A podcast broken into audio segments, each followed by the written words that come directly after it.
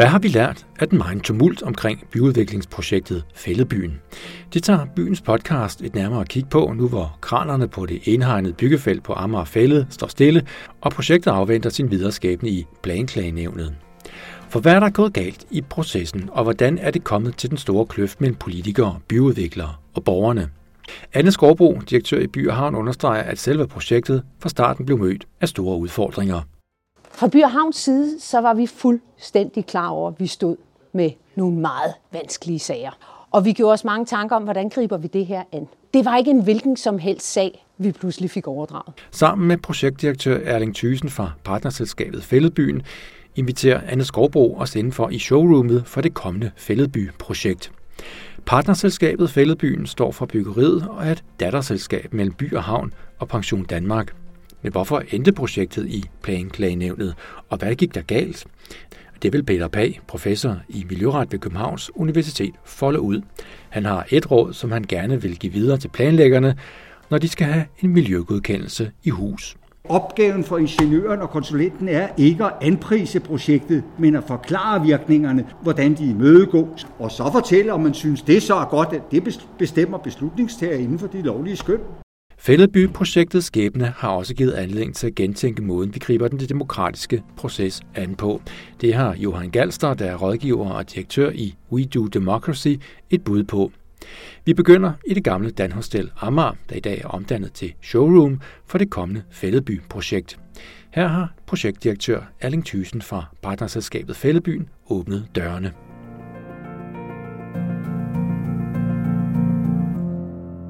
Velkommen over til vores øh, showroom, hvor vi har ja, prøvet at illustrere lidt omkring øh, ja, både området og, og byen, som den kommer til at se ud. Øh, men jeg vil fortælle lidt om selve projektet senere, og så vil Anne starte med at fortælle lidt om, om processen.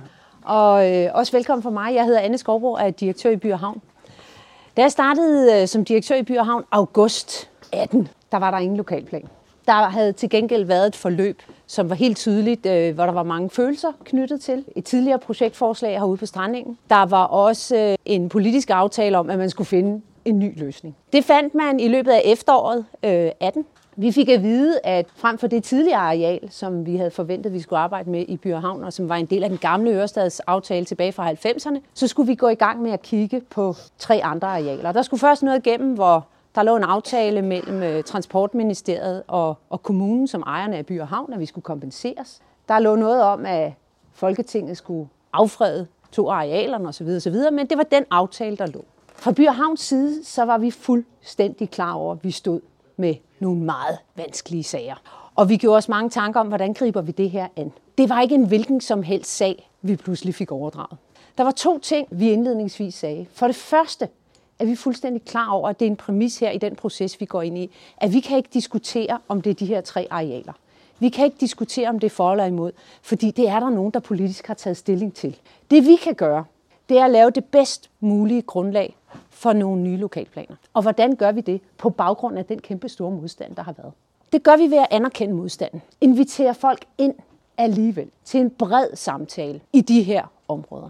Så det vi gjorde, det var i virkeligheden at ret tidligt øh, fik nogle konsulenter omkring borgerinddragelse til at hjælpe os. Så hvordan får vi en, en, en samtale i gang om de her arealer, selvom det er svært? Og det var nogle tidlige workshops, og vi sagde, at det I kommer og siger nu, det kommer til at blive brugt som grundlag i det arkitektprogram, der skal laves. Og der fik vi rigtig mange gode input faktisk for de workshops. Men vi fik mange gode øh, input. Så på trods af den hårde samtale, så lagde vi jo rigtig meget af, af de forskellige pointer, der kom fra de workshops ind i det program, der som kom til at ligge til grund for arkitektkonkurrencen. Relativt ufiltreret bagerst i programmet for arkitektkonkurrence ville man kunne se de mange synspunkter. De dommer, vi havde med i den bedømmelse, der var, hvor der var repræsentanter også fra kommunen, de fagdommer, vi havde med, de sagde, at de havde heller ikke nærmest set noget lignende før.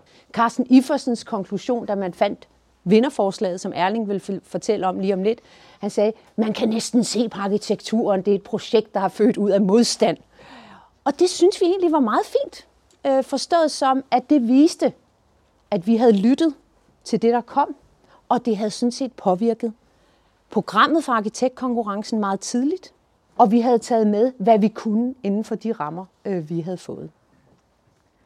Det betød, at der både var nogle pointer omkring naturen, der var nogle pointer omkring bæredygtighed. Der, det er jo det største projekt, øh, vi kender pt. i Danmark i forhold til bærende konstruktioner i træbyggeri. Altså, hvor meget kan vi reducere klimaaftrykket på det her?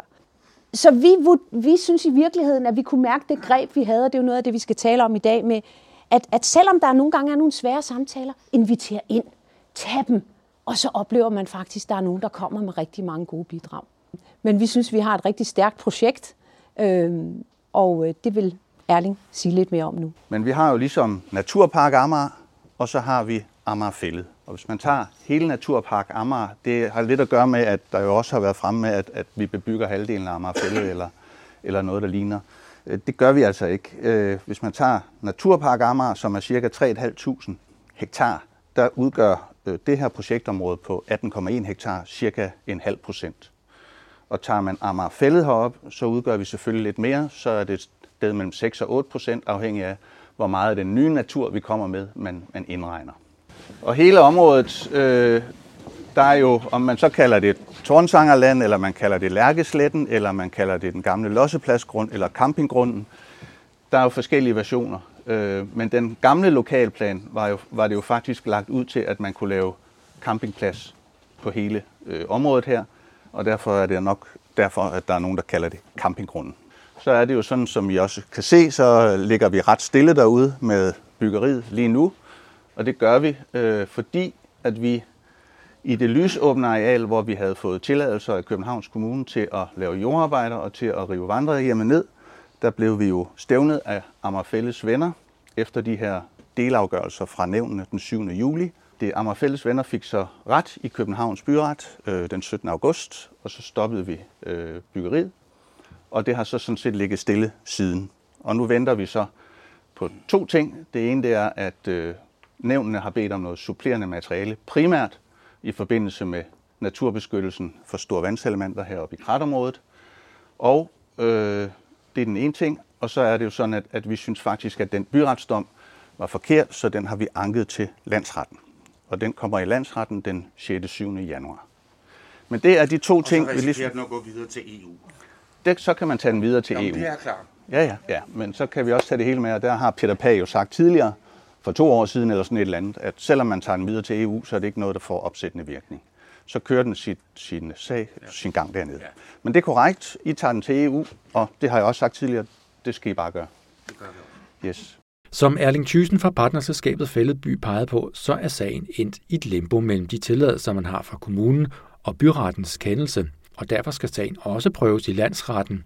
Det skal give en afgørelse om, hvad der er muligt i nuværende og fremtidige byudviklingsprojekter. En af dem, der har fulgt sagen, er Peter Pag. Han er professor i miljøret ved Københavns Universitet. Han vil folde ud, hvilke principper der er på spil. Det handler især om behovet for yderligere dokumentation af naturbeskyttelsen i projektet.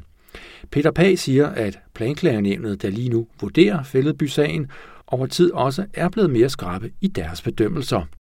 Øh, vi har et habitatdirektiv, og et habitatdirektivet har nogle regler om Natura 2000-områder, men den har også nogle regler om beskyttelse af bilag 4 arter.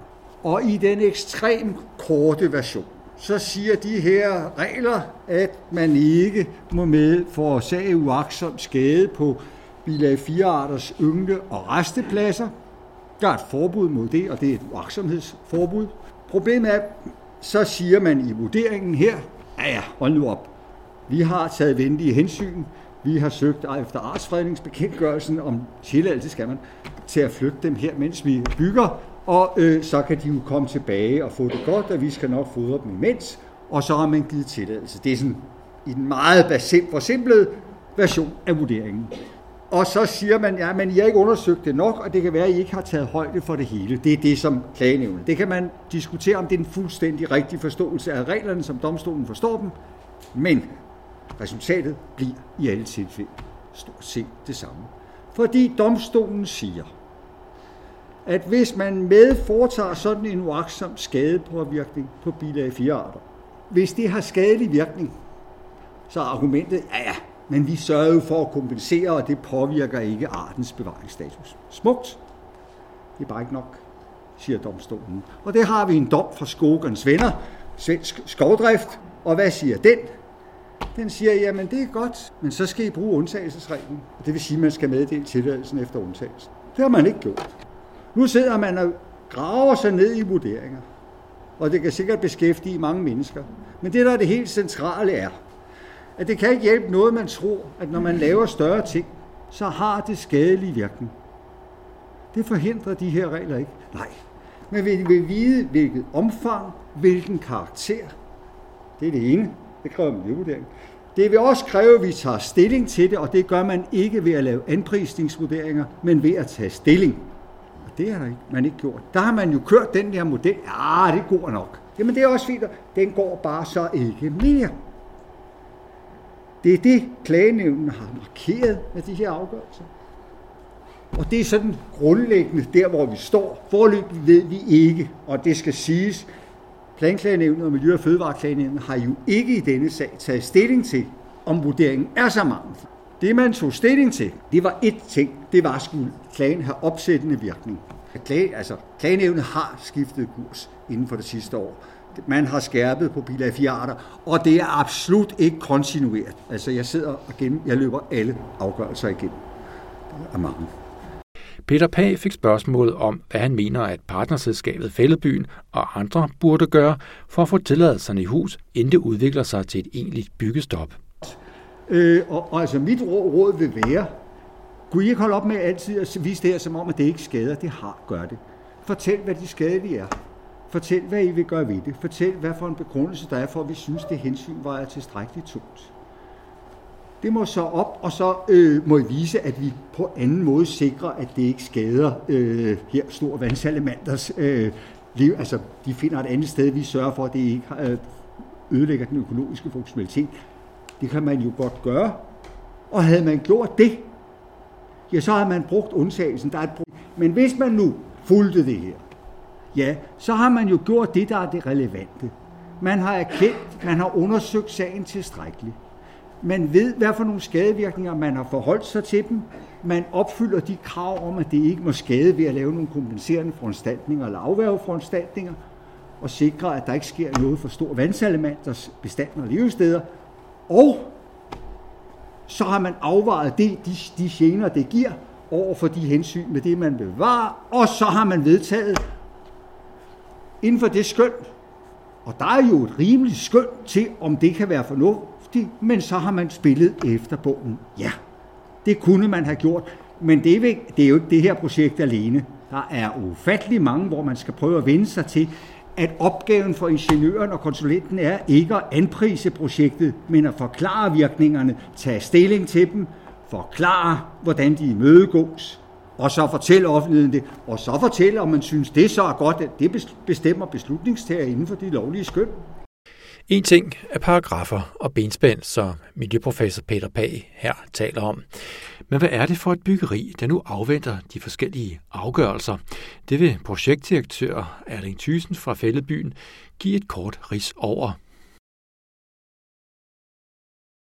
Og man kan være enig eller uenig i, om det skal ligge her. Men jeg håber, når I går herfra i dag, så er I i hvert fald ikke uenig i, at det er et super godt projekt. Som Anne også sagde, så bliver det Danmarks øh, mest bæredygtige kæmpe fokus på øh, reduktion af CO2-aftryk. Øh, alle de bærende konstruktioner bliver i træ. Øh, så vidt der selvfølgelig de, bliver det detaljeret, men der er nogle få kerner og sådan noget, der skal være i beton. Men ellers så bliver det træbyggeri, og, og allerede der, der henter man cirka 70 procent af, af CO2-aftrykket. Hele Fældeby i henhold til lokalplanen, der kan vi bygge 219.000 kvadratmeter. Det består ligesom af tre nabolag, øh, eller tre landsbyer, hvad man nu vil kalde det. Det her nabolag ned mod syd, der vil vi gerne afvikle trafikken så hurtigt som muligt inde i øh, Fældeby, så der kommer der et parkeringshus med plads til ca. 500 biler. Så bliver der øh, to steder heroppe i nabolagen, man også kan parkere, men ellers er det tanken, at vi laver sådan en el-shuttlebus, som man kan køre rundt i, øh, og den kommer til at køre ja, næsten 24-7. Så kommer der øh, Københavns Kommune, udfører en øh, stor skole herude på 19.000 kvadratmeter, femsporet skole, og Københavns Kommune laver også to daginstitutioner herude. Ud af de 219.000, der kommer der cirka øh, 40.000 kvadratmeter almene boliger. En del af de almene boliger er et plejecenter, stort plejecenter hernede, som Bovita skal lave. Og så har vi øh, en, det, der hedder en storbylandsby, som bliver for socialt udsatte, øh, både enlige og familier, hvor der bliver omkring 30-35 boliger til dem hernede. Så kommer der nogle studieboliger, og så kommer der nogle private boliger. Stort set hele private del bliver udlejning, og så bliver der nogle få ejerboliger herude. Det bliver primært dem, der ligger sådan ude for enden af de her karrierer, og en del af det, der gjorde, at det her projekt fra Henning Larsen vandt arkitektkonkurrencen, var den måde, man ligesom har sagt, jamen byggerierne skal samle sig ind omkring nogle pladser, hvor der er noget liv, der minder lidt om byen, og så skal det trappe af ud mod fælleden, sådan at de første huse herud mod fælleden er på to-tre etager. Og der har vi så prøvet at øh, sammen med Københavns Kommune og stadsarkitekten og en masse gode mennesker og kørt sådan en, en designproces, hvor alle ligesom var med, alle arkitektholdene, entreprenørerne, udviklere, for at prøve at strikke det her nabolag sammen øh, så godt som muligt, øh, både i forhold til de intentioner, der er øh, omkring fællesskaber osv., men også at bygningerne får de rigtige volumener i forhold til hinanden. Så bliver der i alt 2.000 boliger herude, hvor de 500 bliver almindelige. Men et andet element er, at byggeriet af fællebyen også giver anledning til at gentænke måden, vi griber den demokratiske proces an på. For hvordan kan borgerne inddrages tidligere og bedre, således at det demokratiske engagement også afspejles i, hvad der besluttes, når vi har med de store byggeprojekter at gøre. Det har Johan Galster, der er rådgiver og direktør i We Do Democracy, et bud på. Vi vil åbne for et andet kapitel, nemlig demokratiets kapitel, når vi er omkring planlægningsperspektivet og det juridiske. Hvordan er det, hvordan er det med demokratiet? Som Peter jo siger, det her med, at jura er noget, det vi designer. Byer er noget, vi designer. Demokrati er også noget, vi har designet. Er det stærkt, det demokrati, vi har? Er det en måde, vi, øh, når vi har været igennem det her kommunalvalg på, og været igennem de debatter, der har været omkring udfordringer omkring byen, så er vi nok nødt til at kigge på, hvordan designer vi nogle rum, så vi kan tale sammen. Så vi kan finde de løsninger sammen, som vi som borgere og som by har brug for i fremtiden. Så det der med, hvordan skal vi gentænke de her formater? For ofte møder vi lidt de samme. Enten de meget engagerede borgere, hvilket er super stærkt og godt, man er det, eller også øh, meget frustrerede borgere, som oplever, at vi bliver kørt over, eller hvorfor lige i min baghave, og det her det skal ske, hvorfor skal det være? Og hvor har vi hele midterbanen henne? Hvor er resten af byen henne? Altså grundlæggende, mange, mange år har jeg savnet ved borgermøder, og når vi mødes her, hvor er alle de andre henne? som skal være en del af den her store samtale. Der er i hvert fald noget i den måde, vi arbejder med vores demokrati på, som eller skaber rum for de samtaler, som ikke, måske ikke er helt så stærke og spændstige, som de måske har været engang, eller også er der bare sket noget i tiden, så, så hvad kan man sige, at vi har brug for at lige at gentænke, kigge på vores, vores design. Demokratiet i dag er jo grundlæggende på to, i hvert fald i Danmark, og også i den vestlige verden, på to ben. Rule of law, vi har et system, vi arbejder med det. Alle skal have, have lige adgang, alle skal have muligheder, og vi beskytter hinanden, og vi beskytter måden, vi skal alle sammen skal være. Og så har vi hverdagsdemokratiet. Hal Cox termer, altså livsformen, vi skal, måden vi taler på hinanden, måden vi lytter til hinanden, måden vi er uenige sammen, måden at vi baserer vores demokrati på værdier, og ikke kun institutioner, men på værdier over for hinanden. Det er, det er jo demokratiet som, som livsform, den, den, den, den værdibaserede. Og der, hvor når vores demokrati begynder at gå galt, det er, når bukserne sprækker, og de der to ben, de bare kommer for langt væk fra hinanden. Vi glemmer, at det ikke er valget hver fjerde år, eller jeg betaler min skat, der løser det. Det er alt det, der foregår imellem hver fire år. Og men når vi betaler den der skat der. Eller hvad man nu definerer som den institutionelle del af demokratiet. Og det, der sker i samme periode, det er jo, det er jo selvfølgelig opkomsten af sociale medier. Det, vi troede, der skulle være et fælleshus, er blevet til et, et, et split-hus, hvor vi splitter os kommer ned i hver vores øh, ekokammer. Og så er der også en ekstrem vækst i lobbyvirksomheder. Altså dem, der varetager særinteresserne. Og så har vi pludselig situationer, hvor mistillid opstår, hvor populisme opstår, hvor de hurtige, lette løsninger, der opstår, hvor det er segregering, disintegrationen, politikerlede. Johanna snakker også om borgerlede. Hun lavede en undersøgelse blandt politikere, hvordan de har det med borgere. Så har vi dalende politisk medlemskab. Ikke? 3 procent af danskerne er medlem af et politisk parti. Altså, det er ikke noget mål i sig selv, at vi alle sammen skal være det. Men vi havde bare engang en meget, meget stærk politisk parti og et bagland. Og der vendte vi vores ting. Der iltede vi nye idéer og nye måder at være sammen på. Og det blev meget, meget småt. Det bagland. Og det er et problem. Hvor er det så, vi gør det henne? eller vi havde et foreningsliv, der var ekstremt stærkt, hvor vi gjorde ting sammen, det er også blevet meget småt. Og det er jo, hvad kan man sige, det, der er jo opstår der de her andre øh, ventiler for virkeligheden at opleve, hov, det hele kører hen over hovedet på mig, jeg har jo ikke længere de rum, hvor jeg kan tage de der snakke. Og så opstår der de her situationer, vi ser i hele verden, og som jo også på en eller anden måde, vi ser i mindre format herhjemme, men trods alt i starten af det. Ikke kun klimakrisen, og hvornår er det, Golfstrømmen ender, det er sgu, hvornår demokratiet ender. Et af det, som vi så kigger på internationalt, som virkelig har været med til at sætte en helt ny dagsorden, det er blandt andet de her citizen assembly. Det er genopfinde det atinske princip med lodtrækning. Og det der med det repræsentative, sikre, at vi får andre borgere end bare dem. Jeg vil gerne. Jeg vil gerne tage magten. Det er ikke nødvendigvis altid dem, der er de bedste til at udføre magten.